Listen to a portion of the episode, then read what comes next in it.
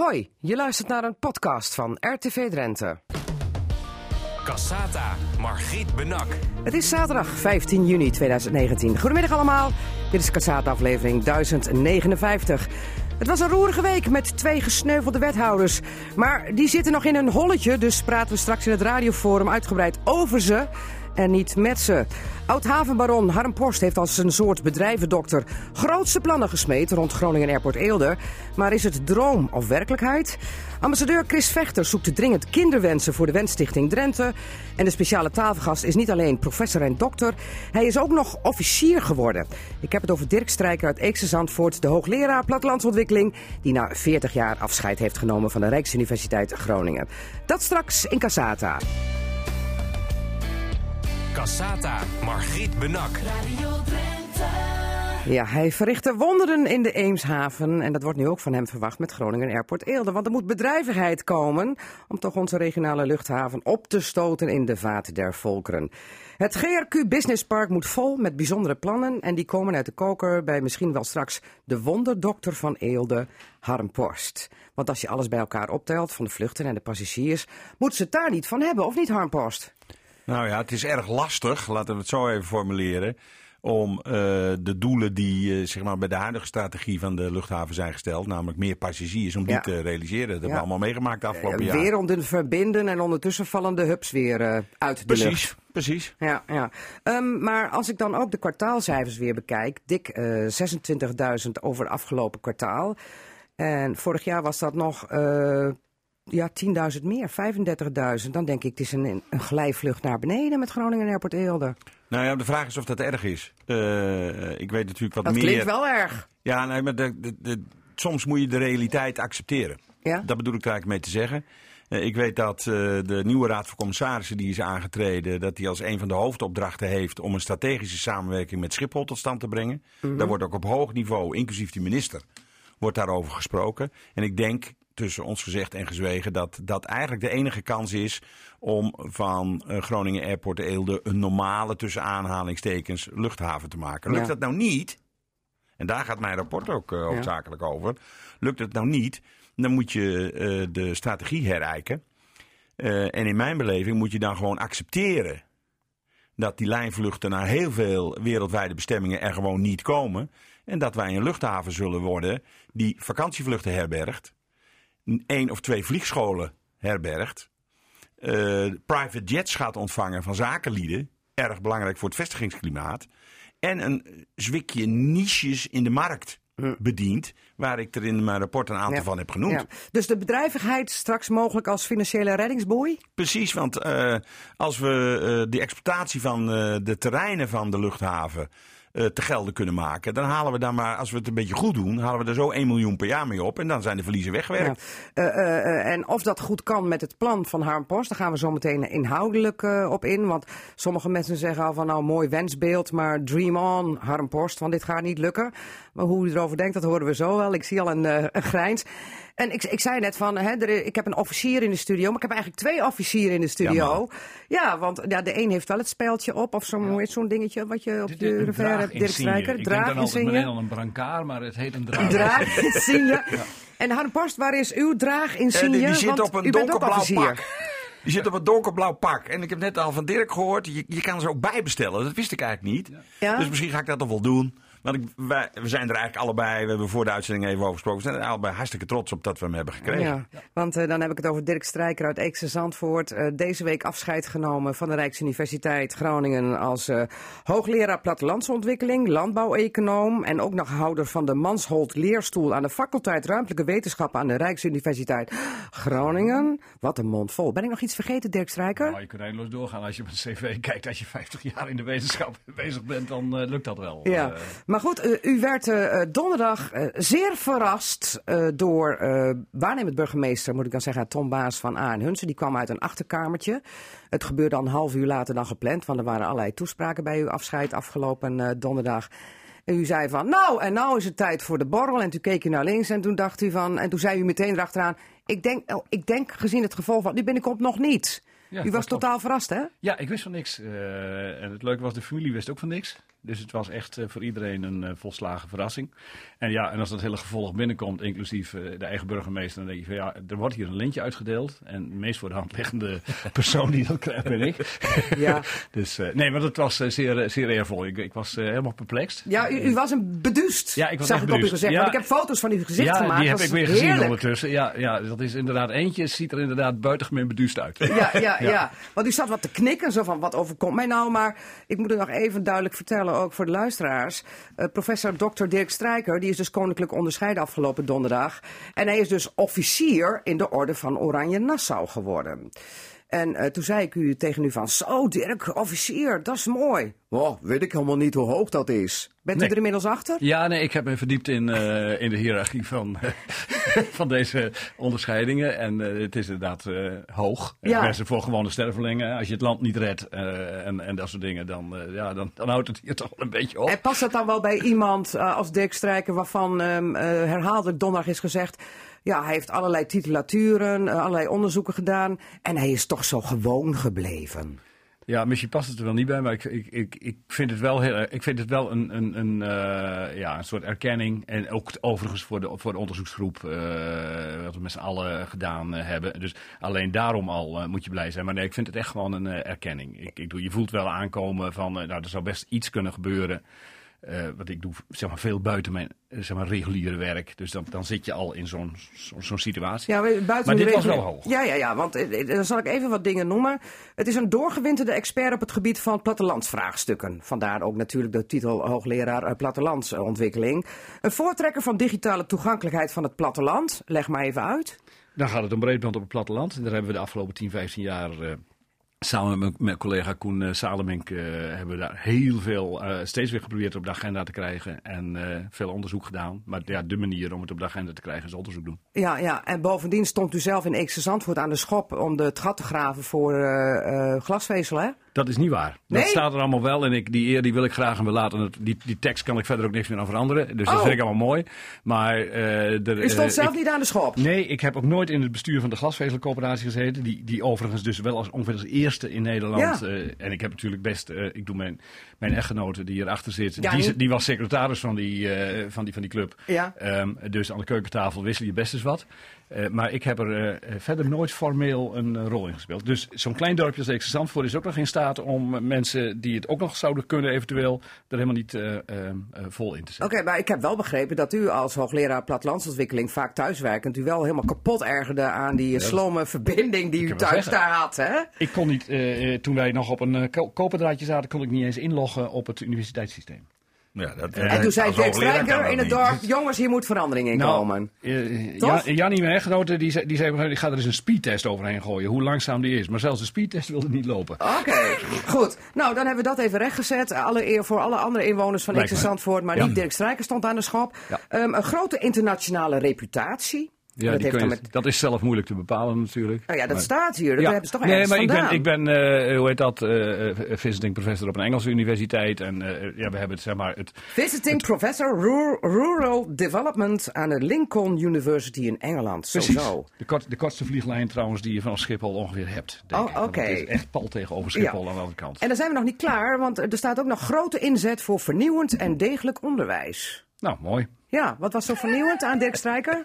Nou, dat, dat weet ik eigenlijk niet precies. Maar wel uh, dat ik mijn best daar ook in doe natuurlijk. Ik mag graag uh, uitleggen hoe dingen zitten als ik het zelf begrepen heb. En uh, ja, dat is natuurlijk wel essentieel in onderwijs. Ja, en een attente, leidinggevende en charismatische en betrokken mentor. Nou, kun je nagaan. Ja, ja. Moet, moet ik de stoel vast, vastzetten ja, nee, hier? Ik, ik bloos ook al. Ja, oké. Okay. Ja, ja. En dan ook nog uitermate goed in de vertaalslag maken naar de samenleving. Ook vooral als bekleden van de Mansholt leerstoel. Nou, dat, ja, dat is denk ik de reden, de reden ook dat er een uh, koninklijke onderscheiding kwam. Ja, ja, ja. nee, ja. maar ik doe inderdaad veel buiten mijn reguliere werk. Ik schrijf uh, elke week een column in Boerderij. Ja. Uh, en, en eerder in Dagblad van het Noorden. Ja. en nou ja, ik sta nog wel eens een keer in cafézaaltjes. in gewone mensentaal uit te leggen wat de hoogleraar ja, doet. En als je en een beetje gewoon bent, is dat ook makkelijker. ja. Dat is ook wel heel belangrijk, hè? Ja? Ja, ja, dat is zijn, Want we hebben het wel over grote vraagstukken. -hmm. Waar je dus ook maatschappelijke steun voor moet zien te krijgen. Nou, dan is het wel handig als je het een beetje in begrijpelijke taal Ja, kunt uitleggen. ja. Nee, maar de universiteit is daar natuurlijk ook heel blij mee. Die wordt ook voor een deel ook afgerekend op eh, of je in staat bent om Ja. de kennis die je bij elkaar ontwikkelt ook in- in de, in de samenleving eh, neer te leggen. Ja. Ja. Dus eh, ja, dan eh, is het wel prettig om wat mensen te hebben. Ik ben niet de enige hoor binnen de faculteit die dat soort dingen doet. Dat hè. zeg ik ook niet, van maar Dijk het is- zit hier ja. ook wel eens. eh, Ja, ja. dus, die, die kan dat ook heel goed. Maar eh, goed, het moet wel. Ja. En we doen het. En scheelt het dan dat de afkomst eh, gewoon boerenzoon is? Als je je met landbouweconomie bezighoudt wel. Ja, maar ook dat je dan gewoon blijft en dat je het kunt vertalen naar het gewone volk? Nou, daar zijn, daar zijn wel anekdotes over dat sommigen dat niet redden. Oh, Dus nou iemand die van een klein boerderijtje komt, gaat studeren in de grote stad en dan terugkomt. En zijn vader die staat in de tuin te schoffelen en die heeft de hark nog er liggen. En eh, die zoon die zegt met eh, een aardappel in zijn keel gewoon, vader wat bent u aan het doen? En dan stapt hij met zijn voet op de hark en die slaat hem met een geweldige klap in zijn gezicht. En dan zegt die vader zo van, nou dat ben ik zo ongeveer aan het doen. Dus nou, dat, ik, weet hoe ik, ik weet hoe ik met een hark om moet gaan. Ja, maar dat slaat niet op Dirk Strijker. Nee, nee, want die aardappel is bij u nooit in de keel gekomen. Eh, Nee, dat, eh, dan, dan, nee. nee. Even heel kort nog, want straks praten we uitgebreid verder. Want eh, Ja. de andere officier zit hier ook niet voor niks. Welk gevoel overheerst nu nadat het afscheid donderdag is geweest en na 40 jaar Rijksuniversiteit Groningen? Eh, het eh, er komt heel langzaam een gevoel in dalen dat ik aan het afscheid nemen ben. Want ik, eh, ik zat nog volop in de, in de flow, zeg maar. Ik doe, ik, ik- mor- ik- morgen zit ik weer gewoon tentamens na te kijken, of maandag. Ja. Maar eh, ik werk nog een maandje. Ja, want Maar het begint in te duidelijkheid, het- u heeft nu afscheid genomen deze week, maar officieel, u bent 66 en drie maanden, u moet nog een maand, hè? Ja, ik mag nog een maand. Oh, mag, oh sorry. Ja. Ik mag nog een maand, Ja. want dan valt het net in de vakantie en dan is ehm, afscheid nemen niet zo leuk, want dan is iedereen op vakantie. Precies. Ja. ja. Oké. En ik blijf nog één dagje in de week eh, doorwerken na die tijd. Ja. Nee, dat wou ik net zeggen. Hoogleraar mogen toch wel tot de 70 of zo door. Ja, je je houdt promotierecht tot je 70 Dus je mag Oh, eh, promotiestudenten begeleiden. Dat, ik heb er ook nog een aantal die eh, nog moeten. Maar ik blijf ook van een aantal projecten waar ik gewoon bij betrokken ben... eh, nog één dag in de week werken. Dus helemaal Ja. afscheid nemen is natuurlijk weer geen sprake van op deze manier. Nee, maar het wordt wel een stuk, eh, een stuk anders. Oké, goed. Straks inhoudelijk over uw vakgebied, plattelandsontwikkeling, wat u daarin vooral heeft bijgedragen, bijgedragen of misschien wel heeft nagelaten. Hè, wat zijn de sporen van Dirk Strijker als we het hebben over plattelandsontwikkeling in ons land en misschien wel internationaal. Want eerst even naar het eh, plan GRQ Business Park. Ja, GRQ staat dan altijd op je ticket hè, als je vanaf Eelde Dat vliegt. ik. Eh, eh, er staat dan voor Groningen, waar staat het eigenlijk voor? Groningen? Want Eelde komt nergens in voor. Nee. GRQ, dat is Ja, dat- zonde, hè? dat- dat- Het is maar een het is een afkorting. internationale afkorting van de onze luchthaven. Ja, ja, ja. Ehm, en dat rapport heet Kansen voor bedrijven, groei voor Groningen Airport Eelde. Zo heet het rapport wat u heeft gemaakt in een jaar tijd. U bent bekend als eh Eemshaven-directeur, inmiddels oud-directeur. Die officiersonderscheiding heeft u toen bij u afscheid gekregen. U bent vorig jaar opgetrommeld om toch eens even wat te gaan doen en te kijken hoe moet het verder met Groningen Airport Eelde qua bedrijvigheid. Zo zeg ik het toch goed, hè? Nou, eigenlijk was de oorspronkelijke opdracht die ik eh, overigens eh, toen geweigerd heb, was Oh. een wat andere. En dat Eh, was? Dat was de vraag, kun je er nou niet voor zorgen dat het ook bedrijfsleven flinke sommen geld stort in het Route Development Fund. Ja. Dus ja. in dat fonds van 10 miljoen, hè, waar we het eh, steeds Ja, over dat is hebben. een, eh, een fonds eh, wat, waar geld uit moet komen om, Om die hubs te charters, charters hier te verlokken naar Eelde Ja. te komen en vluchten vanaf Eelde Ja. te regelen. En ik heb toen tegen de Raad van Commissarissen gezegd, die tijd is voorbij. Dat bedrijfsleven zomaar geld in zo'n potje zou storten. Ik zeg dus, dat wil ik niet doen. Wat wel interessant kan zijn. Er is in geen tien jaar ook maar een vierkante meter eh, industrieterrein uitgegeven. Dus op dat terrein liggen er kansen. Weet ik gewoon vanuit mijn eh, connecties met het bedrijfsleven. Ik zou wel eens even met het bedrijfsleven een beetje door willen praten. Over de vraag van oké, als die luchthaven nou zijn toekomst gegarandeerd heeft. Dat hebben de aandeelhouders gedaan. Chapeau. Wat willen jullie dan rondom die luchthaven met, in relatie met de luchthaven doen? En dat staat in dit rapport. Ja, en daar bent u een jaar mee bezig geweest. Ja. Dat is nog niet officieel gepresenteerd, maar het is eh, onofficieel uitgelekt, zeg ik dan maar even. Nee, jullie hebben, wisten dat het rapport er was. Ja, hebben goed journalistiek werk gedaan om Mijn het op te collega. Andries Dat klinkt anders. Alle hulde, die heeft het Ja. opgespoord. Ik heb het hier ook liggen. Eh, het is uit de lucht komen vallen, zeggen we dan altijd maar. Hè? Ehm, maar Nou, dat had ehm, beter dan in de trein blijven liggen. ja.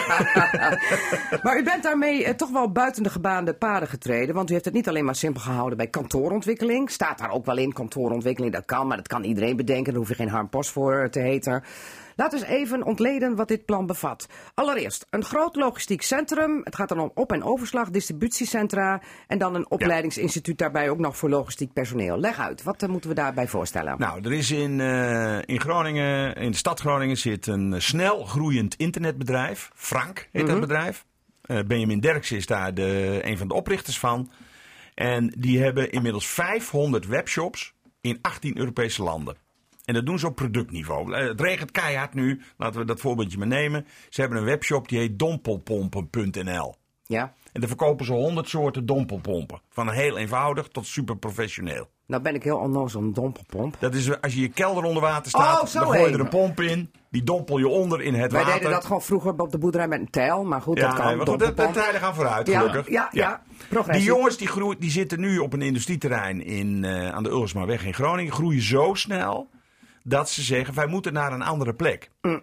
En Benjamin eh Derks heeft met mij contact gezocht. Hij zegt, ik, ik zou wel eens willen praten over een plek op de luchthaven. Mm. Want, zegt hij, wat zie ik gebeuren? Eh, ik zie in toenemende mate eh, pakjes bezorgd worden met drones. Mhm. Vanwege de, de, de- het vollopen van de steden Over en de uit, de lucht, over uit de lucht vallen gesproken. Ja, precies. En deze luchthaven heeft al een droomvergunning. Juist, ja. En in de tweede plaats, hij zegt, ik zie ook wel mogelijkheden in de wat verdere toekomst om eh, het goederen, via goederenvervoer door de lucht te gaan werken. Heb je zes hectare voor me? Zo is het begonnen. ja. Maar, riep hij er toen vervolgens achteraan. Als ik daar dan ga zitten, dan wil ik ook een restaurant, bedrijfsrestaurant hebben en kinderopvang. Dus daar keek ik wat vreemd van op. Ik zeg, hoezo? Nou, voor het personeel. Juist. Hij zegt dan binnen de kortste keren werken hier dan 500 mensen. Ja. En op de arbeidsmarkt moet ik concurreren. Dus ik bied gewoon standaard kinderopvang op het bedrijf aan. Ja, ja. Dus als je daar werkt, dan kun je gelijk, als je kinderen hebt, je kind daar kwijt. Juist. En je kunt ook nog ga je, eten. om de file te vermijden, ga je eerst nog even eten Ja. en dan ga je naar huis. Ja, helemaal goed. En dan heb ik gezien dat het 150 tot 500 banen zou kunnen Ja. opleveren hè, binnen vijf jaar tijd. En dan eh, uit erfpacht van de grond eh, zou je 270.000 euro op jaarbasis Klopt. kunnen krijgen. Ja. Dus dat is dan binnen voor eh, de luchthaven. Juist. Oké. Dan gaan we naar eh, wat ik nog wel even erbij zag staan. Opleidingsinstituut Logistiek Personeel. Dus Ja. het is dan niet alleen maar het distributiecentrum, ook nog een Dat is opleidingsinstituut. een samenwerking met het Noorderpoortcollege. Ja. Noorderpoortcollege eh, heeft overal in het noorden eh, logistieke opleidingen. Die lopen goed. Lopen dusdanig goed dat ze her en der eigenlijk geen ruimte meer hebben. Eh, en die hebben eh, in samenwerking met eh, Frank hebben ze gezegd van nou dan gaan wij mee met jou. En dan gaan wij zeg maar binnen het totale concept wat we nou bedacht hebben. Gaan wij die opleiding, dat Ja, opleidingsinstituut want het is natuurlijk beginnen. business voor de toekomst, hè, die logistieke centra. Ja. ja. Ehm, dan hebben we, als we het dan toch over opleiders spreken, de opleidingscampus luchtvaartpersoneel. Het sluit natuurlijk naadloos aan bij de KLM Luchtvaartschool. Maar het is breder, hè? Ja, kijk, de KLM, daar zijn we natuurlijk wel geweest. KLM leidt alleen maar op voor de KLM. Ja. Gaan wel hun opleidingscapaciteit nu uitbreiden. Nieuwe, gelukkig stillere vliegtuigen, ook mooi. Eh, en dit is een eh, campus die eh, in samenwerking met de Rijksuniversiteit en met het Daltion College uit Zwolle. Ja, Deltion. Ja. Deltion College uit Zwolle. een hele brede opleiding doet. Captains, cabin crew, technicians, dus technici. Maar ook een nieuwe opleiding cockpit cleaning. Je mag natuurlijk niet iemand zomaar. de schoonmaakcrew cockpit- die altijd Ja, na- nakomt als het. eh ja, die kan je de natuurlijk niet aan de knopje laten zitten in de, in de cockpit. Nee, Eh, dus dat is eh, vrij specifiek schoonmaakwerk. de, de cockpit crew. Oké, Cockpit schoonmaakcrew. cleaning. Crew, ja, oké. En eh, daar eh, is een groep ondernemers mee gekomen. Die hebben ondertussen, we zijn hier ook al een stap verder. Die hebben net afgelopen week hebben ze in IJsland eh, gezeten. Eh, we hadden wat eh, contacten ontwikkeld via Gerard van Klaveren, de oud-gedeputeerde Ja, van Friesland. van Friesland, nu interim burgemeester van Ameland. Ja. En Maar ook is jarenlang ook- voorzitter van QB Blizzards Museum. Ja, oh, ik niet. QB-liefhebber, jazeker. Dat zal ik hem volgende keer Ja, eh, ja, even ja. voor de neus houden, waarom Ja. ik daar geen kaartje heb Goed gekregen. goed, met Harry Muskee ooit. en Gerard die is ook consul voor IJsland. Oké. En ik ben honorair consul van Noorwegen. Dus ik heb hem opgebeld. Ik zeg, goh, we zijn met dit initiatief bezig. Op IJsland zit al een grote school. Luchtvaartschool. Is er sprake, zou er sprake kunnen zijn van een samenwerking? Nou, en eh, afgelopen week eh, is die groep ondernemers afgereisd naar IJsland. En eh, zijn nu afspraken aan het maken over het combineren van de activiteiten van hen op het Europese vasteland. Want zij hadden al plannen om naar het Europese vasteland te gaan. En dat in Eelde te Oké, huisvesten. IJsland naar Eelde. En, en, en, en Noorwegen, want daar bent u honorair consul Ja. voor. Ook daar nog iets van te verwachten? Of? Nou, dat eh, kan ik op dit moment Oh. eh, niet zeggen. Nee. Oké, goed. Ehm eh, erfpachtinkomsten las ik 105.000 Ja. euro per jaar. Dan zijn we inmiddels aanbeland op zo'n, nou, eh 370.000 euro. En dan kijk ik altijd even naar het miljoenentekort bij de luchthaven. Want u zei al, het moet een miljoen ongeveer bij elkaar opleveren. Dan zijn we er nog niet. Dan hebben we het over de hangar living. Ja. Luxueuze luchthavenvilla's, 25 stuks. Ja. Nou, dat is voor de miljonairs of voor de luchtvaartgekken? Dat Leg voor dat uit. laatste. Dat is een Dat goeie. laatste. Dus, ik- nou, daar werd heel verbaasd op gereageerd. Ja, Niemand ik was ook begreep het. verbaasd. Nee, maar Niemand vertel. begreep het. Zeg, wie wil, we hebben al zoveel last, dat was eigenlijk een beetje wat, wat men tegen mij riep. We hebben al zoveel last met de omwonenden. Die zo'n hekel hebben aan het vliegveld en die van dat geluid af willen. En nou, nou kom jij kom je met een plan dat de mensen op de luchthaven willen wonen. Ja, met een eigen vliegtuigje. Heb ik de parallel getrokken met golfgekken. Ja, Die gaan overal in de wereld een bungalow kopen op het golfterrein. ja, overnaast. Maar in ieder geval dat ze gewoon s ochtends vroeg uit kunnen stappen, golfclubs pakken en hupsakee. Mensen die van zeilen houden, die vinden dat gekletter van de stagen tegen de mast helemaal niet erg. Wij wel, we zouden geen oog dicht doen. Maar bij hun klinkt het als muziek in de oren. Ja, Zo moet je dit ook zien. Het zijn inderdaad vliegtuiggekken die zich realiseren. Want als je een cirkel trekt van 400 kilometer rondom Eelde, dan kan het nergens. Maar in Amerika en Engeland, dus grote landen, Canada, Ik ben er wel geweest op Ja. een vliegveld, eh, zeg maar een, een, een airstrip waar Ja. gewoon villa's omheen staan. Met de achterkant de garage zeg maar naar het vliegveld. ja maar dan heb je het over Amerika. We, we, Ja, maar we dat zijn is hier in- Holland, Holland, Michigan. Ik bedoel, Oh, dat is ja. nog bijna thuis. hè? Ja, oké, daar hebben we Drenthe Roots. Ja. Maar Harm Post, we zijn hier in Drenthe. Ja, en weet je wat er de grap is? Nou, Dat, we hebben dus een plan nu gemaakt voor 25 plotjes. ja? Als het nu kon, want je mag nu niet wonen Nee. op de luchthaven. Dus het bestemmingsplan moet worden aangepast. Als het nu kon, had ik er al drie kunnen verkopen. Oké. Hatseflatsen. En dan kijk ik, en dat kost dan, ehm eh, nee, aan erfpacht levert dat dan 500.000 euro per jaar op. En dan heb je ook nog start- en landingsrechten, want die mensen die daar wonen, hebben een eigen Vliegtuig. vliegtuig. Eh, dan heb je een woning dus boven de garage. Daar staat het vliegtuig in. Oké. Er zijn hele mooie voorbeelden van. Misschien is dat wel leuk voor, eh, voor internet. Je moet maar eens even googelen op hangar living. Ja, want zo heet het ook in het Ja. rapport. En dan eh, zie je allerlei prachtige voorbeelden uit Amerika. Want de ene houdt van chalets, dus die bouwt er een soort chalet bovenop. En de andere houdt van een moderne strakke bungalow, die bouwt er een bungalow bovenop. En zo zijn er allerlei varianten denkbaar. Oké, dus eh, maar in ieder geval money in the bank. Als het eh, reëel is en als het echt gerealiseerd gaat worden. Dan gaan we nog even naar de Nou, ja, Ja? dat is nu de tweede keer dat je dat zegt. Ja. Dat snap ik ook wel. Maar Ja, dat komt omdat men zegt van, nee, maar het is, kijk, iedereen. Ik heb het opgeschreven. ja, Maar er zit achter elk plan staan ondernemers Die ook naar voren willen stappen. Om uit te leggen dat Post het netjes heeft opgeschreven en met elkaar in verband heeft gebracht. Omdat je toch in de beperkte ruimte die je hebt, die initiatief ook een logische plek moet geven. Ja, ja. Maar dat zij de ondernemers zijn die het gaan realiseren. oké. Dus het is niet eh, slag in de lucht. Het is dus ook Juist. gebaseerd op wensen die er zijn. Juist. Om te realiseren Marktkansen zijn het. Marktkansen. Eh, nog even snel door, want we hebben nog twee bijzondere dingen. Dat is een Animal Airport Facility. En het gaat dan om luchttransportfaciliteiten voor de paardenbranche. Leg uit. Ja. Telefoon gaat. Ja. Neem hem op. Ja, post. Met Lauwe Mulder uit Tolbert. Ik zeg, meneer Mulder, goedendag. Wat kan ik voor u doen? Hij zegt, ja, ik moet u spreken op korte termijn. Zeg, nou, morgen tussen de middag. Hij zegt, dat is goed. En Dus Lauwe wij- doet iets met paarden, hè? Ja. En heeft onder andere ook de postwagen. Hij zei, daar wou ik Oh, ook ja. afspreken. De postwagen is leuk. en U heet post. Ja. Spreken we af bij de postwagen in Tolbert. Want dat is van mijn zoon. Ja. Nou, dat vind ik al leuk, hè? Dus dat vind ik al leuk. Dus ik erheen, ik kom ik daar. Hij zegt, eh, Post, heb je enig idee wat er omgaat in de paardenhandel in de BV Nederland? Ik zeg, ik zou het niet weten. Hij zegt, net zoveel als in het hele betaalde voetbal bij elkaar opgeteld. Ja, We hebben het over de KWPN'ers, hè? Geloof ik. Ja. onder andere. Ja. De Friesen. De, de Frisian Horses, Bruce Ja. Springsteen, Ja. over, Ja. over rockers gesproken. Bruce Ja. Springsteen heeft een paar Frisian Horses, daar is hij helemaal gek van. Oké. Nou, lang verhaal kort. De paardenhandel speelt zich nu allemaal af via Schiphol. Die worden daar weggepest, zeggen ze zelf. En zegt de noordelijke paardenhandel, Friesland, Groningen, Drenthe, die zegt onze con-collega's in Brabant en Limburg, die hebben een alternatief, namelijk het vliegveld van Luik. Heeft deze faciliteit die ik nu in mijn rapport beschrijf al. Hij zegt, waarom zouden wij nou niet via Eelde gaan? Als we dan toch bij Schiphol weg moeten, laten we Schiphol die ruimte maar geven.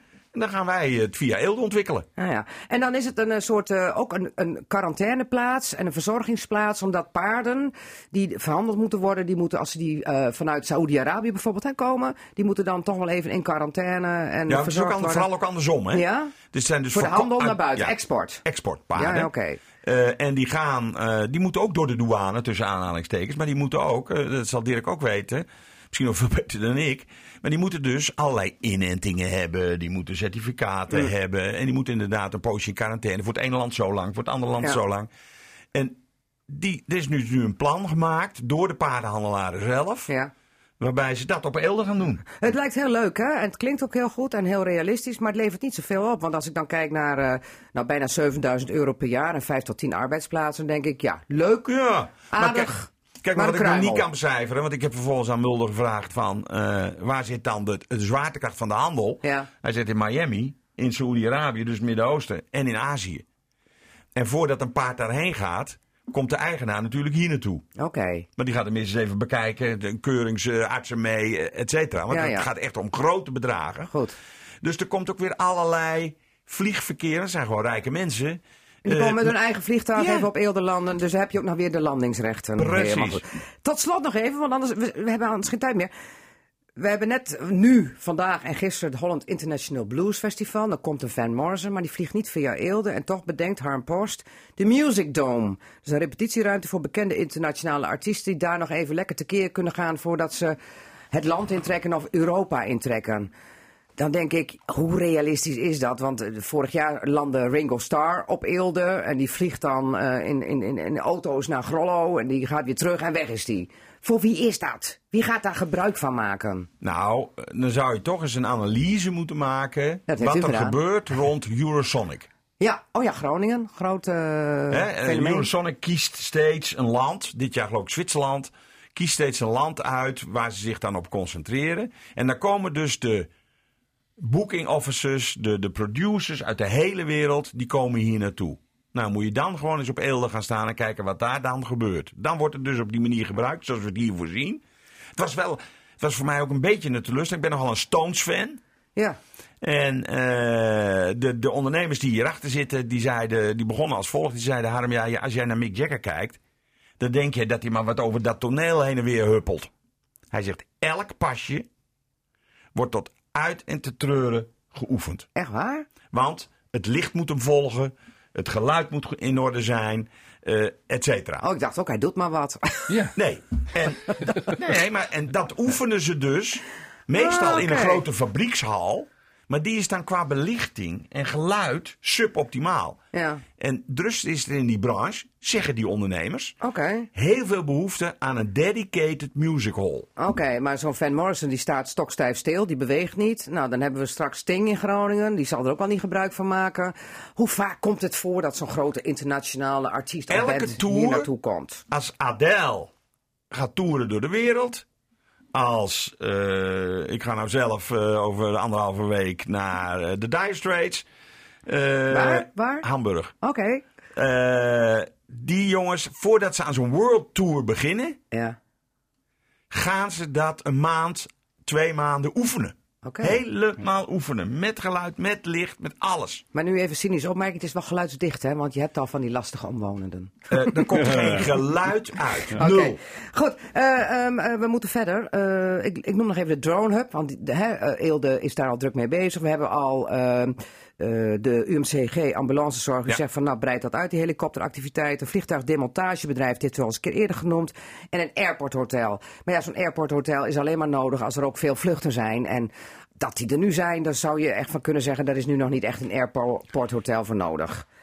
Dat zegt ook, de, ik, ben, ik heb met hotelketens gesproken. Dat zeggen die hotelketens ook. Maar ik draai het dan om. Hè? Ja, Eh, ik zeg dan van oké, als we die luchtvaartopleiding van de grond krijgen. Dan zijn in ieder geval die piloten, die zitten daar twee jaar, moeten die onder dak. Kunnen we een contract sluiten met, de, met het hotel. Als die zo'n Music Dome er komt, idem dito. ja. Dus het een kan het andere ook weer op de kaart brengen. Oké, dus eerst het één en dan volgt het hotel vanzelf. Juist. Eh, eh, afrondend, is dit nou wensdenken of is het echt realistisch? Is dit te realiseren, Harmpost? Eh, het, is, het zijn kansen in de markt Ja? Die uitermate reëel zijn. Ja, maar dan moeten de aandeelhouders er ook nog wat van vinden, hè? Want die hebben hier nog niks over gezegd. Nee, nou, het belangrijkste is eigenlijk de gemeente Tinalo. Ja. Die moet het namelijk het bestemmingsplan aanpassen. Ja, want nu laat het bestemmingsplan wat er ligt op Groningen Airport Eelde deze activiteiten niet toe. Niet alle. Niet alle, nee, Nee. het zijn luchtvaartgebonden activiteiten. je, je mag er niet wonen, eh, de bouwhoogte is wat beperkt, te Ja, beperkt. ja. Eh, en je mag er geen kinderopvang hebben. Dat Dus- zijn eigenlijk de drie dingen die veranderd Maar die zijn moeten worden. bereid? Ja, Oké, en hoe snel kan dat dan? Dat hangt wel weer van de omwonenden af. We weten natuurlijk bij voorbaat dat... Oh, die eh, gaan naar de Raad van State, dat kan ik u Ja, nou al dat weet vertellen. ik. Maar goed, dat geeft niet. Als je niet begint, Nee. kom je ook niet op het eindpunt aan. Oké. Eh, zit uw klus er nou op, nu dit rapport er ligt? Formeel zit de klus erop. Ja. Oké, formeel zit de klus erop, maar blijft u er toch nog aan trekken dat dit Nou ja, ik hou die contacten warm. Ja? Heb ik met de eh, commissarissen afgesproken. Totdat eh, de commissarissen de nieuwe strategie voor de luchthaven helder hebben. Dat zal in het najaar zijn. En wanneer gaan we het eerste eh, project zien wat uit deze koker komt van Harmpost? Oh, dat kan Wat maar zo. Als de, maar daar moet ik nog een terugmelding van krijgen. Als de mensen in IJsland tot een goede samenwerking kunnen komen, zou dat maar zo in het najaar al kunnen zijn. Dit najaar al. Nou goed. Harmpost, we blijven u volgen. Doe Want, dat. wordt het nou droom of wordt het toch werkelijkheid, dit business parkplan van Harmpost? Dank voor die komst. Oké. Cassata.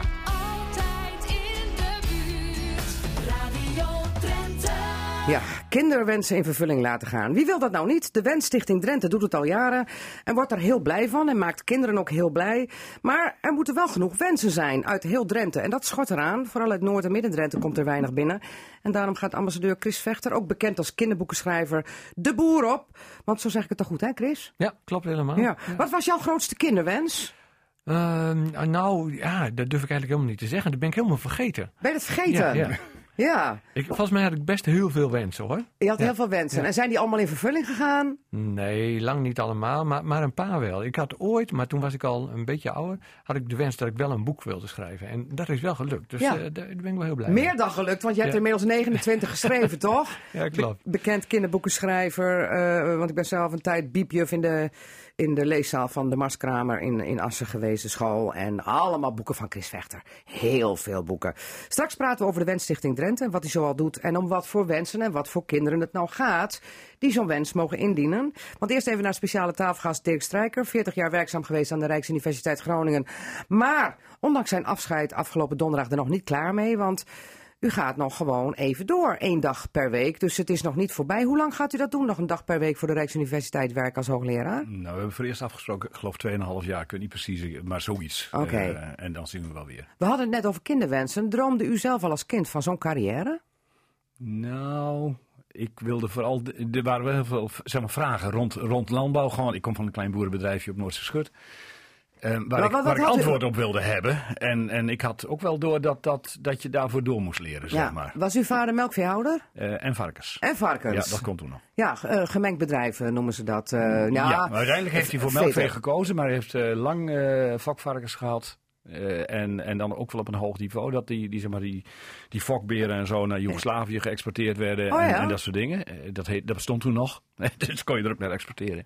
Ehm, en hij is ermee opgehouden toen. eh, want je hebt dan altijd met dierziektes. En dan, dan, dan, moet die dingen, dan heb je ze ingeënt. En dan kun je plotseling de grens weer niet over. Ja. Omdat er weer iets engs is. En Ja. dat, hij was een risicomeider. Ik ben ook een risicomeider. Eh, dus toen is hij op een gegeven moment die varkens opgehouden. Ja. En hoe kan het dan dat Dirk Strijker uiteindelijk niet eh, de toko van zijn pa heeft overgenomen als boer, maar uiteindelijk is gaan studeren en vervolgens hoogleraar is geworden? Dat hij geen boer werd, was eh, dat hij, eh, denk ik, eh, lichamelijk moet je ook een beetje sterk zijn. En zeker in toen de tijd Ja. om dat te zijn. En dat, dat, dat was ik minder misschien. En we zaten eigenlijk te dicht tegen Hogeveen aan. We zagen, zowel mijn ouders als ik, zagen wel dat dat bedrijf vroeg of laat onder een nieuw plan zou verdwijnen. De stad rukte op. ja, en dat is ook gebeurd. Ja. Overigens veel sneller nog dan, dan we ingeschat hadden. Dus de stee waar Dirk Strieker ooit geboren is, die is er niet meer. De, de, de, de boerderij is er afgebroken, is een nieuw huis op eh. Ja. Dus eh, veel elementen zijn nog wel herkenbaar. Er zat een grote boomgaard achter, die is er nog steeds voor zover ik weet. En voor de rest is de gemeente Hogeveen niet erg eh, goed geweest in het, laat maar zeggen, handhaven van, van de historische lijnen in het landschap in dat gebied. Ik bedoel, eh, want het is een ontginningsgebied hè, met, met, Ja. met om de 150 meter een wijk. Ja. om de 150 meter een wijk. En daar is zeg maar schuin dwars overheen gebouwd. Eh, dat, het, eh, En achteraf zeggen we allemaal zonde. Ja, dat was toen ook al, maar Hogeveen is niet sterk in het eh, zeg maar oppikken van dat soort historische dingen. Nee, zeker niet. Want ik heb ooit gewerkt voor het Hoogveens Dagblad. En daar hing een prachtige prent aan de muur. En toen zei ik met, met water zo door het. Hoog, ja, ik wist toen nog niet Ja. dat het Hoogveense was. Met prachtig water doorheen. En Ja. toen zei ik, waar is dat? Nou, daar waar je nu staat, maar daar ligt nu allemaal asfalt. Ja. Gewoon Ja. gedempt. Ja, en dat is ook gebeurd op een moment dat er eigenlijk al brede discussies in Nederland waren of je dat nog wel moest eh, doen. Maar Hogeveen... De eh, nog veenvaarten toen, hè, zeg Ja, maar. dus eh, de, Ja. de Schutstraat en, de, en de, wat nu de, de, echt het hoofdstraat is. Ja, allemaal en- water. En daar leggen ze er nou zo'n rare cascade voor terug. Wat ja, er dat helemaal is toch niet second, be- toch second best, zullen we maar zeggen. Ja, zo'n sentimenteel kronkeltje wat nou stroomt door de hoofdstraat. Ja. Maar eh, als Dirk Strijker terugkijkt naar zijn eh, wetenschappelijke carrière, dan heeft hij heel wat onderzoeken gedaan, internationale onderzoeken. Wat is nou voor u zelf het paradepaardje waar u met het meeste voldoening op terugkijkt? Dat is, dat is best lastig om te zeggen als je zeg maar, meer dan 40 jaar daarmee in de weer bent. Ehm, wat, waar ik eh, het heel trots op ben, ik heb dat eh, recent ook al bij jullie eh Nee, maar die in bedoel ik niet. gezegd. Nee, maar dat vind ik wel belangrijk. Dat we zeg maar, goed tanden hebben kunnen zetten in eh overerfbare armoede en de relatie Ja. met gezondheid en zo in de veenkoloniën. Dat, daar heb ik echt lang voor gevochten om daar ruimte voor te hebben. Want je Ja. hebt gewoon geld nodig voor onderzoek. Ja. En dat, dat is gelukt, dus dat vind ik belangrijk. Ehm, en wat ik eh, zeg maar belangrijk vind, is dat we gewoon een goede onderzoeksgroep opgebouwd hebben. Die zich gericht heeft op dingen die eh, nationaal en internationaal niet zo erg in het oog lopen. Namelijk de burger op het platteland. Er wonen veel meer burgers op het platteland dan boeren. En heel veel plattelandsonderzoek gaat nog steeds over boeren, verbrede landbouw, eh, schaalvergroting, nou alle, alle toestanden die je Maar kunt verzinnen. plattelands, eh, plattelandsleven is meer dan alleen maar het boerenleven. Meer dan dat. Ja. Eh, het gaat vooral om burgers. Ja. Dus, nou, en daar komt die breedband ook vandaan. En allerlei andere onderzoeken over plaatsverbondenheid. Ja. En over wonen in onaantrekkelijke gebieden. En over blijvers in plaats van de vertrekkers. Kortom, hoe Kortom. hou je het platteland leefbaar? Is dan vooral zeg maar de ja, vraag. en dan vooral vanuit een burgerfocus bekeken. Oké. We gaan straks nog even uitgebreid verder praten. Ook over eh, de Manshold leerstoel. Want daar bent u ook houder van. Wat is dat eigenlijk? Wat houdt het in? Eh, genoemd naar ooit eh, de uh, landbouwman Sikko Manshold. En ook over is er nog een leven buiten de Rijksuniversiteit? En ik weet al dat het zo is, maar u mag zelf vertellen wat dat dan is. Eerst even naar die Drentse Wensstichting. Ehm, trouwens, Dirk Strijker, had u als kind ook een kinderwens? Nou ja, ik zei zo van, er waren een aantal dingen die ik eh, beter wilde begrijpen, die ik niet snapte. En dat Ja? was ik van overtuigd dat ik, daar had ik, eh, nou ja, daar moesten stappen genomen worden om daarachter te komen. En dat, dat, is, dat is gelukt. En Ik u hebt dat- het allemaal begrepen? Ja, En wat, wat wou u dan vooral begrijpen? Ik wilde vooral begrijpen waarom eh, mijn ouders en al die andere boeren eromheen zo knoeperhard werkten en toch geen millimeter vooruit kwamen of zelfs achteruit gingen. Ja, ja, en u heeft ervan geleerd van dat moet ik in ieder geval niet gaan doen. Dat was een, misschien een zijconsequentie, maar dat was weer later. Oké, komen we straks nog even over te spreken. Want eerst even naar de Drentse eh, Wensstichting. Ambassadeur van is eh, Chris Vechter, bekend als boek, kinderboekenschrijver uit Assen. Eh, sinds wanneer bent u ambassadeur trouwens?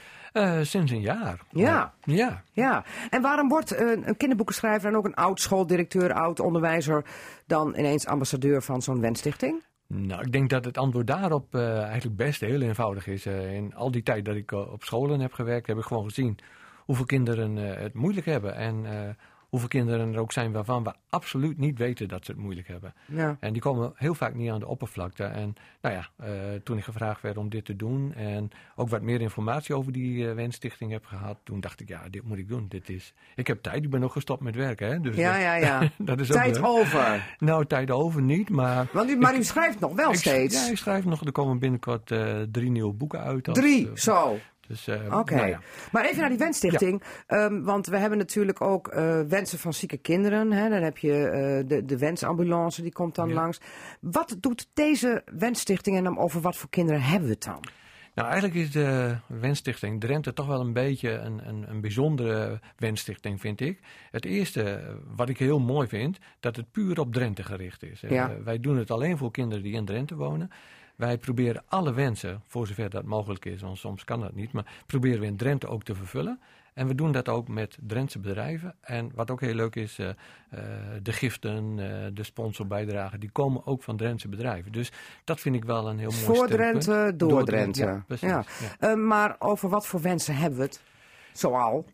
Wij proberen ons vooral te richten op de, op de kleine wensen van de kinderen zelf. Dus als iemand zegt van, ik, god, ik wil graag naar Disneyland in, eh, in Amerika of Disneyland Parijs, dat gaat niet door. Nee, dan ben je bij ons aan het verkeerde Oké, adres. maar wat wel? Ik- nou, we hebben, we hebben pas geleden echt een, een, een hele bijzondere wens vervuld voor een, eh, een jongetje.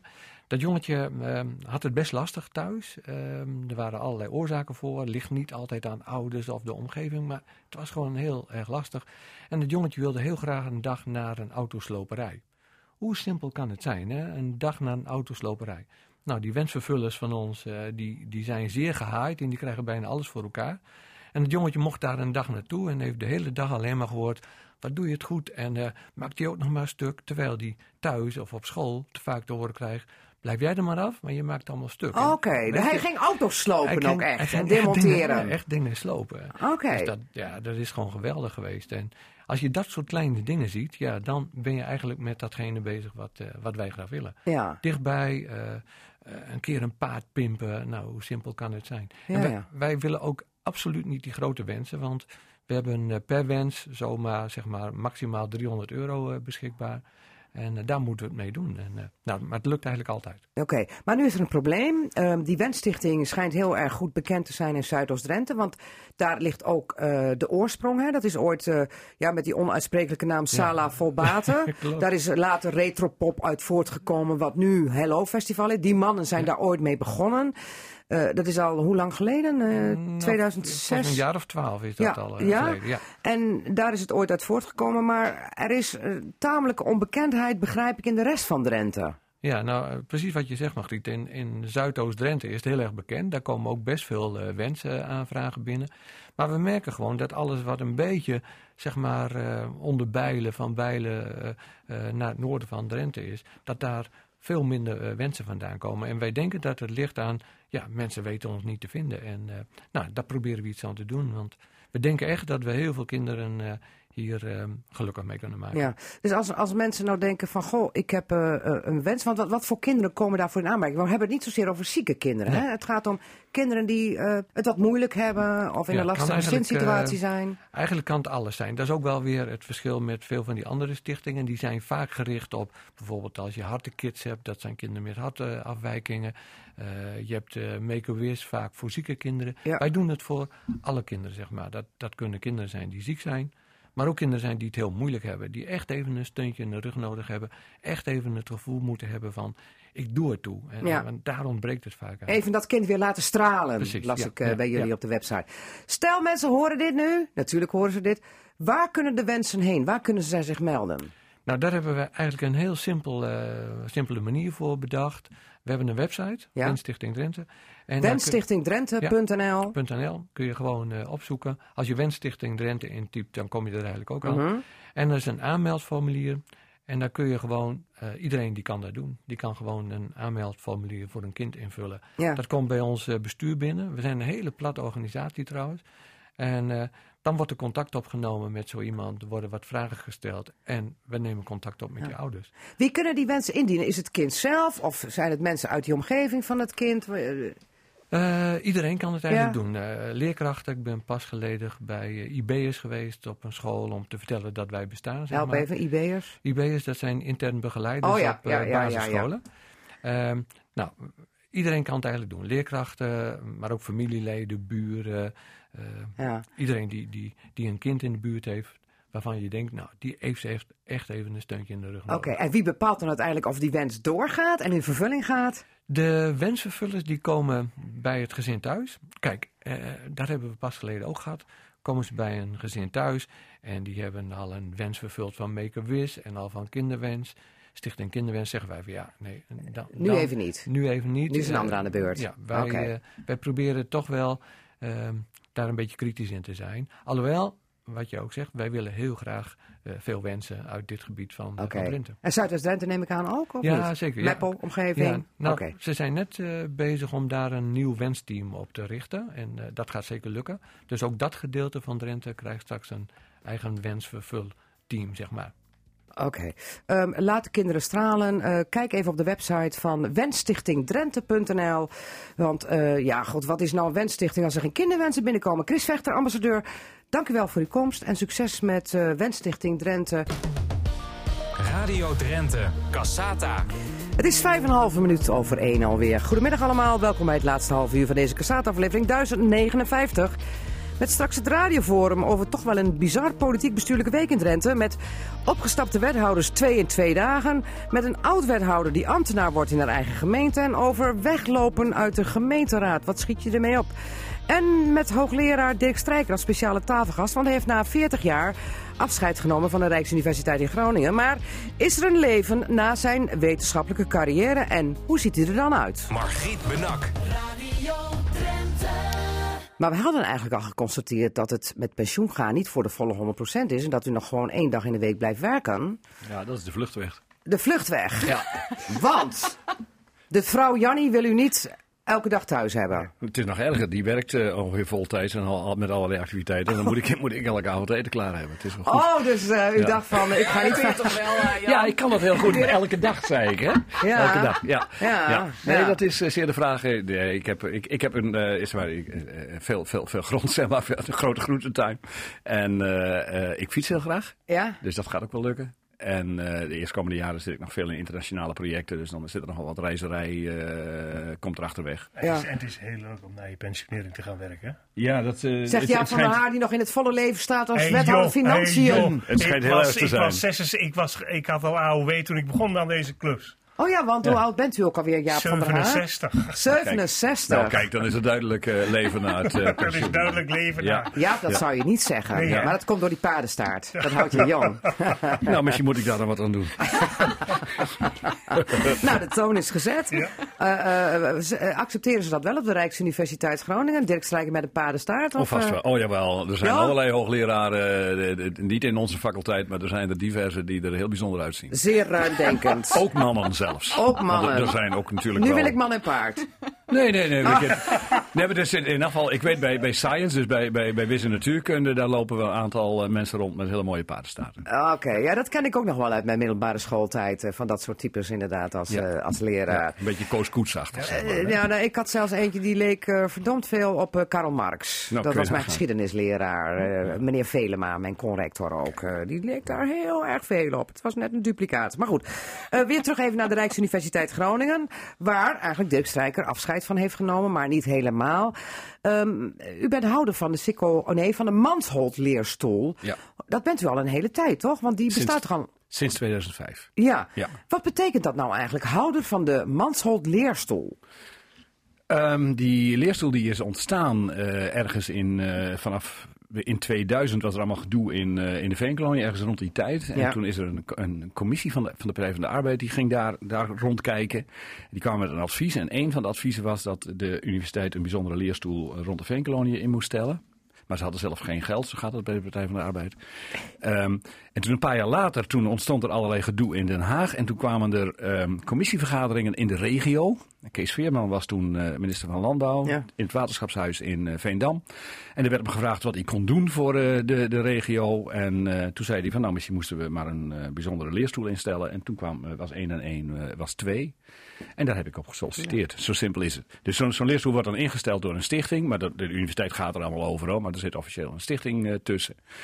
En het ministerie eh, heeft eh, jarenlang die leerstoel betaald. Eh, Nu, nu niet meer? Nee, en ik geloof een jaar of vier geleden, toen waren er twee, twee volle rondes was er betaald. Normaal gesproken betalen ze één ronde, dus er was al eentje extra. Dat was al een compliment. Eh, en de laatste jaren wordt hij gewoon door de universiteit betaald. Maar het, het werkt nog steeds net zo. En dus want die is er en we kunnen in principe dus ook gewoon een opvolger daar weer bij verzinnen. Oké, als er want u, geld is. u, u, u blijft dus geen houder. Er komt Nee, een opvolger nee, nee, voor ik, word, eh, ik ben, eh, over, over een maand ben ik emeritus hoogleraar. ja. om zo maar u te gaat met emeritaat. Emeritaat, precies. Zet ik EM Ja, voor. ik heb er ook gestudeerd, ja. Ja, nee, dat helpt. En dan hebben we, zeg maar, in principe zouden we de mogelijkheid hebben om daar ehm, eh, weer iemand anders op te benoemen. En dat willen we ook graag. Oké. Om weer voldoende landbouwkennis, met name binnen onze niet-landbouwgerichte eh, onderzoeksgroep eh, te hebben. Sluit die aan bij, het- bij, bij, het, bij het oude deel van Ja, je moet iets dichter bij het of het microfoon zitten. hoor, als je toch net mee wilt dat is praten. het leuke. Ja. Ik, ik sluit natuurlijk wel een klein beetje aan bij het oude. Ik zit wat half weg. Ik zit in de transitiefase, zeg maar. En wat we graag willen is dat daar een bijzondere leerstoel komt die zich met natuur-inclusieve landbouw bezig gaat houden. Met de hele, Ah, dat is de Het nieuwe modewoord. Dan dan zitten nee, maar dan wordt het de echte man. Ja, dat is, natuurlijk, leerstoel. dat is natuurlijk een buzzwoord. wo- wo- Een nieuw modewoord noem ik het. Maar dat is wel wat we nodig hebben binnen de universiteit. Dat we daar ook met z'n allen goed tanden inzetten. Hè? De voorstellen van Carola Schouten over kringlooplandbouw en Ja, zo. ja. Maar hoe dat nou feitelijk zou moeten en wat de consequenties zijn. Ja, dat wordt nog een hele tour. Nou, Dus zit dat al heel lang een bijzondere hoogleraar toch in Wageningen op dit thema. Ja, zeker. Maar het is met name voor mij ook de grote vraag van hoe hou je je landbouwsysteem zoals we dat Eens. hebben. Met, wat, wat uiteindelijk 10% van, van, van ons nationaal inkomen uit vandaan komt zo ongeveer. Ja, hè? Als ja, je een beetje ruim oprekent. Hoe hou je dat eh, op de rails en maak je toch de draai naar ehm, eh, dat we ook voldoende eh, beestjes en plantjes eh, Oké. hebben. Dat is de En- mooiste uitdaging. En grote Strijker kennende gaat hij zich ongetwijfeld bemoeien met die opvolging, of niet? Nou, eh, met het vinden van geld ervoor en zo. eh, Ja. ah, er is altijd wel wat te doen. Ja, en heeft u al iemand op het oog die dat heel goed zou kunnen? eh, uw de- stokje overnemen ik, van als houder van de Mansholt-leerstoel. ik wil dit bevestigen nog ontkennen. bezig gaande met natuur inclusieve landbouw. Eh, dit zijn processen die lopen, daar ga ik nu helemaal niks over zeggen. Oké, wanneer weten we dat? Oh, dat kan ook wel. Dat, zulke dingen kunnen heel snel gaan. Op een gegeven moment, als een paar mensen ja zeggen, is het oké. Eh, Ja. maar je moet geld hebben, die stichting moet het doen, de faculteiten moeten het willen, de universiteit ja, moet het goed vinden. Nou, zo'n heel, heel rijtje. En uiteindelijk moet dat bij elkaar komen op enig moment. Ja. En we hopen dat te regelen. Even naar uw leven naast de rug. De Rijksuniversiteit Groningen. Ehm, het dorpsleven van Zandvoort. Daar staat u ook eh, eh, middenin, de samenleving. Ik, ik heb donderdag geleerd dat u zelfs de openbare bermen eh, met de grasmaaier eh, kort houdt, of niet? Wij hebben al een eh, jaar of wat een commissie die het bermonderhoud van de gemeente overgenomen heeft. Overigens wel ook met deels geld mee van de gemeente Aanhunsen. Dat wordt dan in de dorpskas gestort. Ja, maar dat geven we dan ook weer uit. En dat koppelen we aan met z'n allen die bermen onderhouden. En dat doen we s ochtends om de zoveel tijd. En dan wordt er tussen de middag met z'n allen gegeten. En dan mo- moeten ook vooral alle mensen meedoen die niet aan het bermonderhoud mee kunnen doen. Ze te oud zijn of weet ik wat. Ja. Eh, dus het is een koppeling van aan de ene kant die bermen. Waar we een goede reden voor hadden overigens om het op die manier te doen. En het sociale element. Oké. En de reden mooi. om het te doen Mooi is dat, dat hè? we Ja. Zeg maar, als gemeentes bermen onderhouden, met name ook buiten de bebouwde kom, dan hebben boeren vaak wat te klagen over eh, eh, onkruid eh, overwaaien en zo. Ja, Dus ja als het het nou- kruid waait over nou, naar het bijvoorbeeld en land. distels en weet ik wat. Als we het zelf doen, dan kunnen we het met z'n allen afspreken. Dan doen we het een beetje zelf. En her en der blijft wat staan en her en der gaat wat weg. En Ja. dan kan degene die er last van de biodiversiteit ruimte te geven. Nou, en als je ziet hoe eh, leuk en divers die bermen eruit zien ondertussen in Extra Zandvoort, dat is hartstikke leuk. En ondertussen heeft u ook nog tijd om toneel te spelen. En uw collega Jouke van Dijk zei van... ach, maar hij speelt zijn hele leven al toneel. Ja, nou, jou kent mij al heel lang, dus dat is zo. Eh, nee, nee ik, eh, ik, ik ben geen kundig toneelspeler, maar ik speel al jaren in de toneelvereniging Zandvoort. Hoe heet die? Toneelvereniging Zandvoort. Oh, Zandvoort. Extra Zandvoort. Oké. Ehm, eh, eh, en, eh, en overigens ook in de Edstoel in, in Anlo, al jaren als landschrijver. Oké. En dus ja, nee, ik vind dat wel heel leuk. En wat doet u nog meer in het dorp? Want u bent samen met ik Jannie ook, ik ben, ook- ik, ik ben actief in voorzitter van de van Dorpsbelangen. Voorzitter nu. U heeft een Ja, stokje van die vrouw overgenomen, heb ik Nou, er geleerd. zat eh, wel een, eh, een, een, een periode tussen dat Ja? iemand anders voorzitter was hoor. Ik bedoel, het moet niet helemaal een familiebedrijf worden. nee, maar Jannie is eh, volgens mij tien jaar voorzitter van Dorpsbelangen geweest. en, En en, ik u ben be- nu en hoe lang bent u al onderweg als voorzitter inmiddels? een krap een jaar. Krap dus een ik- jaar. Ik, ik zit nog in de inwerkperiode. Ja, oké. Nog even in. nou ja, dat kan alleen maar veel meer worden straks. als u wat meer tijd om handen heeft nu bij de Rijksuniversiteit Ja. nog maar één dag in de week gaat doen. Ja, nee, Ja. dat is zo. Maar Ja. goed, ik, ik zit ook in de raad van toezicht van, de, van Brik en Brak in Anderveense Kanaal. De, de tweedehands, eh, zeg maar, eh, uitdeelwinkel. Oh ja, zo'n kringloopwinkel. Kringloopwinkel. Ja. En eh, dus ja, er is, er is nog wat meer te doen. Oké, dus, en dat geeft ook maar weer aan hoe gewoon deze hoogleraar is gebleven. Hè? Professor, dokter en officier. Gewoon ook lekker met de poot in het bluswater in het dorp. En buiten het dorp, ja. En buiten het dorp. Ja, Ja. ja. En vandaar dus eh, officier in de orde van Oranje Nassau. Ja, en daar was ik heel blij mee. Ja, ja, ja. Ehm, eh, nu wordt het tijd, eh, denk ik, dat u wat meer gaat schoffelen in de groentetuin. Of deed Mhm. u dat ook altijd al? Ik heb achterstand sinds het regent. Oh ja?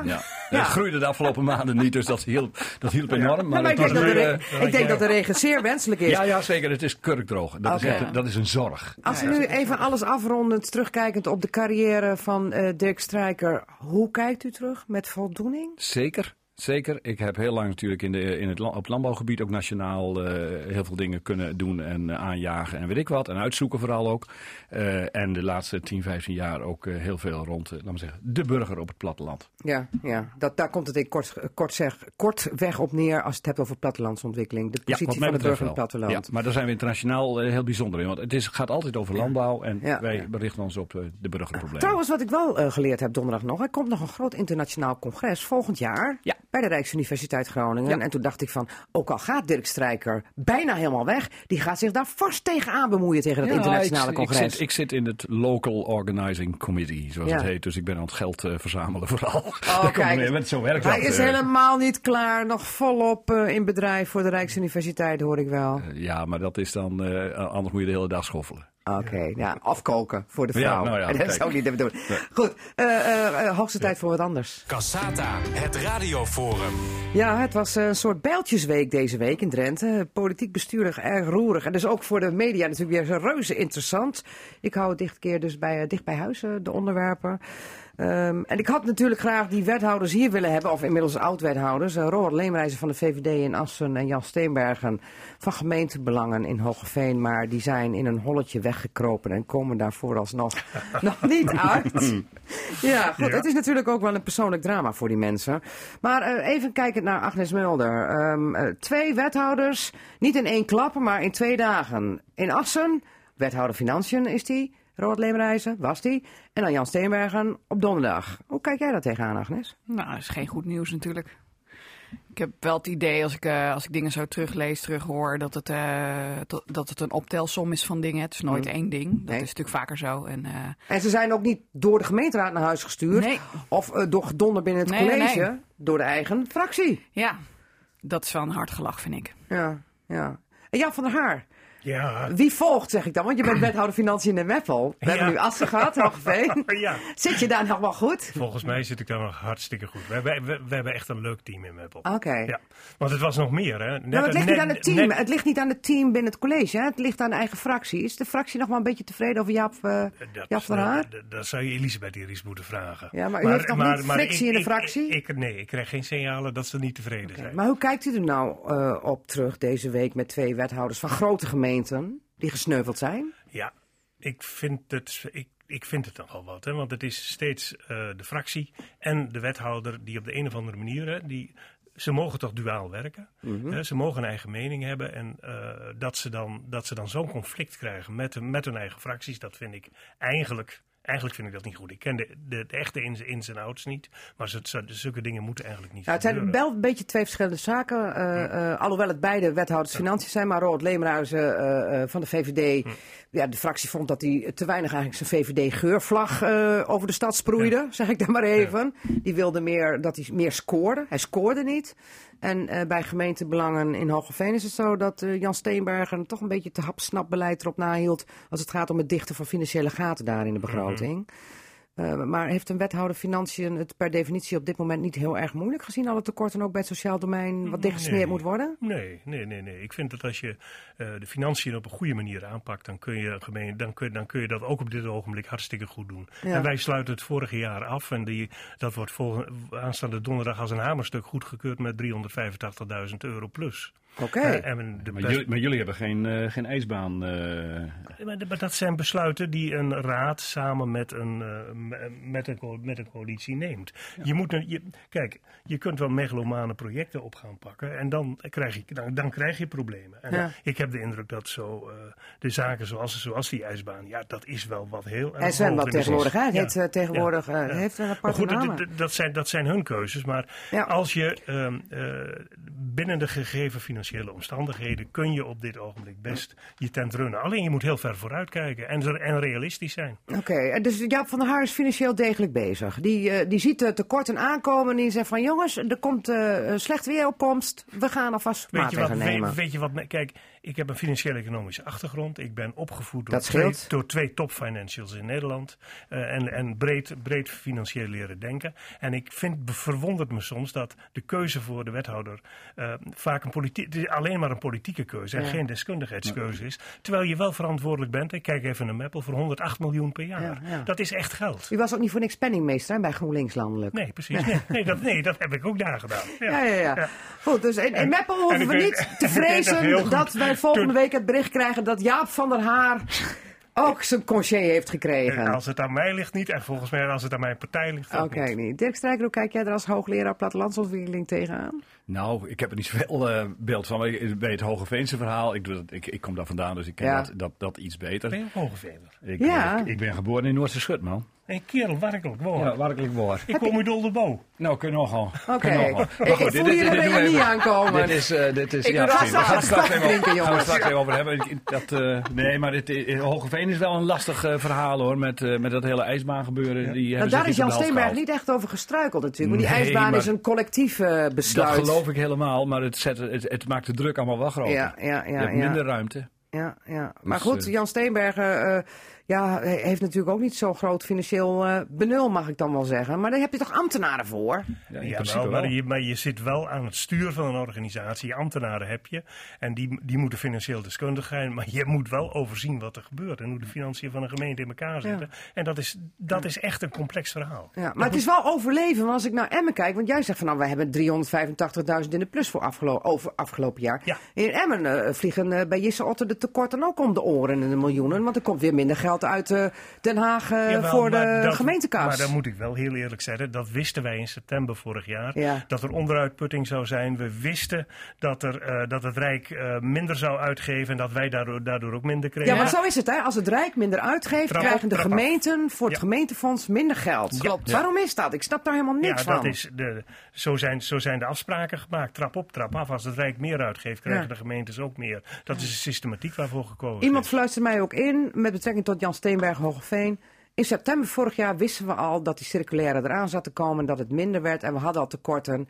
Dus eigenlijk mag je dan een jaar later wel verwachten dat hij eh, eind negen- 2019 op nul uitkomt. Wij maar hij doet wij- niks. Wij hadden in Meppel 350.000 gulden eh, euro, Euro. euro. euro, in, ingeschat.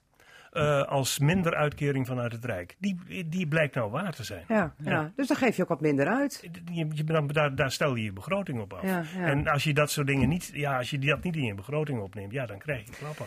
Kortom, eh, moeten wij ons nou grote zorgen gaan maken over een epidemie door het Drentse bestuurdersland waard? Of zijn dit nou gewoon twee personen geweest die gestruikeld zijn over hun eigen tekortkomingen? Agnes. Nou, ik denk dat eh, partijen hebben altijd de verantwoordelijkheid om eh, mensen uit te kiezen voor de functies eh, en, en, en daar heel erg van bewust te zijn.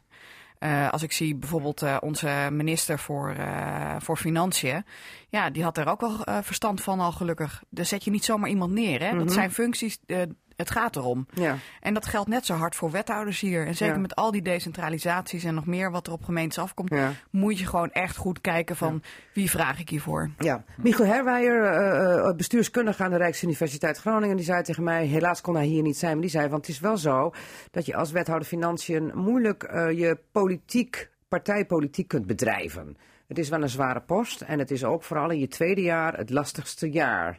Want je kunt eerst de, het eerste jaar je beroepen op de erfenis van je voorganger, maar daarna moet je het zelf doen. Eh, moet ik het zo zien, eh, Jaap van der Haar? Nee, dat, dat is ook waar. Kijk, in het, in- ik heb nu samen met het college hebben we nu de perspectiefnota voor de financiën voor de komende vier jaar uitgezet. Daarin zet je je beleidslijnen uit, maar daarin zet je ook uit wat er wel en niet mogelijk is. Gaan we eind van eind juni gaan we het moeilijke debat met de raad aan van waar bezuinigd moet worden, waar kortingen moeten gaan komen, om zo de vi- komende vier jaar een sluitend verhaal te krijgen. Ja. Maar als je daar goed voor uitdenkt, dan kun je dat wel op een realistische manier doen. En dan kun je het mensen ook overtuigen dat het ook zo moet zijn. Maar kun je als een wethouder financiën ehm, eh, laten zien waar Sterk Meppel voor staat? Kun je een beetje partijpolitiek bedrijven op zo'n post of toch niet?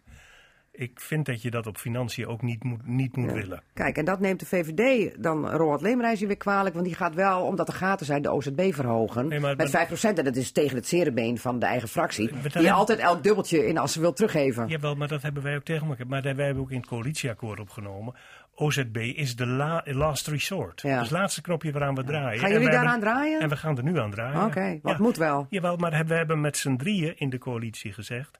Dat, dat, dat, het is nodig, we gaan Ja. het doen. Ja, ja. Maar ja, goed, de coalitie zegt het ook in Assen. Alleen eh, de VVD eh, eh, pikt dat niet. En Ja. die hebben gezegd, geen, nee, geen scorende Als wethouder. er, kijk, als er in het coalitieakkoord staat, dat is de last resort. En wij vinden dat de last resort er is, dan moeten partijen, dan moet, moet je in een coalitie ook daarin meegaan. Goed, we gaan nou even naar een eh, toch wel een Ja, daar ben apart... ik met je eens hoor. Want anders, is je, anders hoef je ook niet in een coalitie te gaan zitten. Ja, ja. En dat is best wel eens, eh, lastig. Dus soms sta je voor keuzes eh, die je echt niet prettig vindt. Die geeft wat en je neemt wat. Ja, Zo is en het wel. En, Ja. het En dan moet je voor staan. En dan is het wel vervelend voor eh Leemreizen dat hij om die reden misschien Ja. wel moet aftreden. Hè? Ja. We gaan door, want anders hebben we geen tijd meer. Iets bijzonders, eh, ook om de hoek, gemeente Tinalo. Nina Hofstra, negen jaar wethouder geweest in de gemeente Tinalo. Op de post Financiën onder meer, economische zaken. En wat schetst mijn verbazing, deze week wordt bekend dat ze per 1 juli financial controller wordt bij de gemeente Tinalo. Ze zat in de raad. Ja, ja. De eerste raadsvergadering was ze gelijk nu afwezig nu het bekend werd. Ze wil ook niet in Casata komen omdat ze ambtenaar is en moet zwijgen. Die zegt nou het is pas bij 1 juli. Maar goed, wat vinden jullie ervan? Is het handig of niet, Agnes? Als ik een wenkbrauw op had kunnen trekken, had ik het gedaan. Ik ook. Ik vind het absoluut geen schoonheid. Kijk, de, de, de, Je vindt het geen schoonheid? de, geen schoonheidsprijs. ik zo'n wou, beetje. ik wou Ik ken dat het. kun je anders opvatten. Nina ziet er best wel goed uit Oh, hoor. dat vind ik Ja, geen idee. Ik wil ook niks over haar zeggen, maar eh, Ga door, ja. Deze knippen we eruit. gaat niet blijven. nee, kijk, de, de, de controller is de, is de echte financiële adviseur van, zit aan de van, van, van de wethouder. Ja. Ja? En de, je hebt daar altijd gezeten, er komt een andere wethouder, jij wordt, jij wordt de adviseur daarvan. Dat is geen schoonheidsprijs om dan, eh, om dan voor dat soort dingen te Het kiezen. scheelt wel wachtgeld, want Nina Hofstra kreeg als oud-wethouder nog steeds Er wachtgeld. zijn een heleboel gemeentes die heel erg sterk financials zoeken, ook in Drenthe. Ja. Dus je had die, zou die rol op een Ja, andere plek kunnen Het is doen. niet handig. En dat, wa- nee, dat was beter geweest. Maar juridisch is het geen fout. Oké, wat zegt Dirk Strijker? Het is niet maar zo'n wethouder, het is ook nog een buitengemeen geprofileerde wethouder. Ik, eh, tenminste, ik volg het uit de pers al, al, Ja. al, al jaren. Maar het is niet iemand die daar een beetje eh, grijs zat te werken. Ik, Tenalo is altijd wel wat te doen. Ja. Dus ik doe ze vechten elkaar de tent uit, om zo maar te zeggen, regelmatig. Wat? En Een normale zij- supermarkt stichten, dat lukt Nou, al precies. niet eens. Nee, in dat is dus, dat is dus allemaal heel ingewikkeld. Dus het is allemaal heel erg politiek en persoonlijk. Ik, ik begreep er echt helemaal niks van. En je begrijpt er nog steeds niks van, Nee, neem ik, ik aan. vind het echt een hele rare keus. Oké. Het wordt op eieren lopen, denk ik wel, voor Nina Hofstra daar. Of misschien wel voor de financiële wethouder. Precies. Ehm, Het lijkt mij een hele, hele lastige rol als je zo'n topadviseur hebt. als ja, ja. Wie is straks de baas? Wie bepaalt? Ja. Ja, ja. Nou is Nina niet meteen van de terugtredende eh, eh, type. Nou, daar wordt het alleen maar ingewikkelder van. Ja, ja, ja. Als ze gewoon grijze muizig eh, daar eh, controller kon zijn, dan was het nog niet zo erg. Nee, ze heeft jarenlang in het radioforum gezeten. En als het goed is, heb ik daar geen grijze muis in zitten. Nee. Dus die, eh, Nee. die roerde haar mondje altijd wel. Dus Ja, eh, goed. Nou, wij gaan eh, Maar je wilt toch ook aan de andere kant geen eh, financieel controle die niet durft te zeggen waar het op staat. Hè? Ik bedoel, even de, de andere Nee. kant van het Ja. verhaal. Als je, als je alleen maar een, een, ja-knikker om je heen verzamelt, dat zegt ook wat over hoe sterk je zelf bent, toch? Ja. Zeker, maar als je zo geprofileerd bent Dat snap en ik ook wel. bekend bent Ja. in de, in de, in de, In de gemeente, en zo, dan vind ik het. Ik, ik, ik ben het helemaal met jou eens eh, van er waren eh, andere gemeentes waar dit prima gekund had, maar nou net niet in. Ik heb haar nog geappt om te zeggen, je kunt altijd nog wethouder in Assen worden. Ja. Ja. En wat zei ze? Van de VVD. Eh, nee, dat Nee? eh, wou ze niet. Maar ik denk Nee. van, nou ja, eh, eh, het is nog geen 1 juli, het kan nog. Even heel kort. Gemeentebelang in Hogeveen hebben nog vacature. Nee, maar Nina is van de VVD. CDA en Nina is van de VVD en de VVD in Assen zoekt nog een goede van buiten de fractie. Dus ja. dan denk ik, nou vliegt Nina Hofstra dan maar in. Hebben we vier vrouwen in Assen in het college. Heel kort, en ik moet een kort antwoord. Weglopend, zoals donderdagavond gebeurde in de gemeenteraad van Hogeveen door de oppositie. Omdat ze het niet eens zijn met de machtswellust van de coalitie. Is dat een zwaktebod of is dat een goed signaal? Agnes? Ik vind dat beslist niet sterk. Ik heb ook wel eens een debat in de Tweede Kamer meegemaakt waar een collega heel boos wegliep, maar daar bereikt ze dus niks mee. En eh, hier bereiken ze dus ook helemaal niks mee, behalve polarisatie en eh, dat je de verbinding met elkaar totaal kwijt bent. Oké, Jaap, wat zeg jij? Ik vind het jammer dat ze het gedaan hebben, maar ik vind het ook jammer dat, het, dat, dat, ze, het, dat ze ervoor geforceerd zijn. Want de, het was ook, ze werden ook als oppositie niet echt serieus genomen. En dat hebben ze willen laten zien. Nou, ik, ik Maar het helpt weglopen dan? nee, het helpt niet. Nee. nee maar de- dit was een keer eerder gebeurd, hè? Nou, eh, bij de discussie rond de ijsbaan hebben ze daar ook mee gedreigd. Toen heeft de, eh, heeft, hebben de coalitiepartijen gezegd van nou, eh, vooruit, dat willen we niet dat jullie weglopen. Hè? Dus we, eh, en als, als, als dit de gang van zaken is, dat je iedere keer maar gaat weglopen om je, om je doel te bereiken, dat vind ik nou niet echt sterk. Het je laatste woord is aan de officier, de professor en de dokter. Heel kort. Ja, het past wel heel erg bij Hogeveen, waar het heel religieus is van oudsher. En waar het ook gebruikelijk was om weg te lopen als er een verkeerde dominee voor op de kansel stond. Dus het, het past in de traditie. Oké, nou dat lijkt me mooi afsluitende woorden. Het past wel een beetje bij de christelijke traditie in Hogeveen. Gewoon weglopen als het je niet aanstaat. Ik denk dat Lohuis hier aan de slag moet. Ik ga jullie bedanken. Dirk Strijker, Jaap van der Haar en Agnes Mulder. Volgende week weer een nieuwe Casata. Je luisterde naar Cassata. Dat is te beluisteren als radioprogramma op zaterdagmiddag, maar sinds kort ook als podcast. Net als het programma Drenthe Toen. Vond je het nou interessant? Geef ons dan vijf sterren en laat je beoordeling achter. En vertel het natuurlijk ook aan vrienden, familie en collega's. Daar help je ons mee, zodat we nog meer luisteraars kunnen bereiken. Tot volgende week.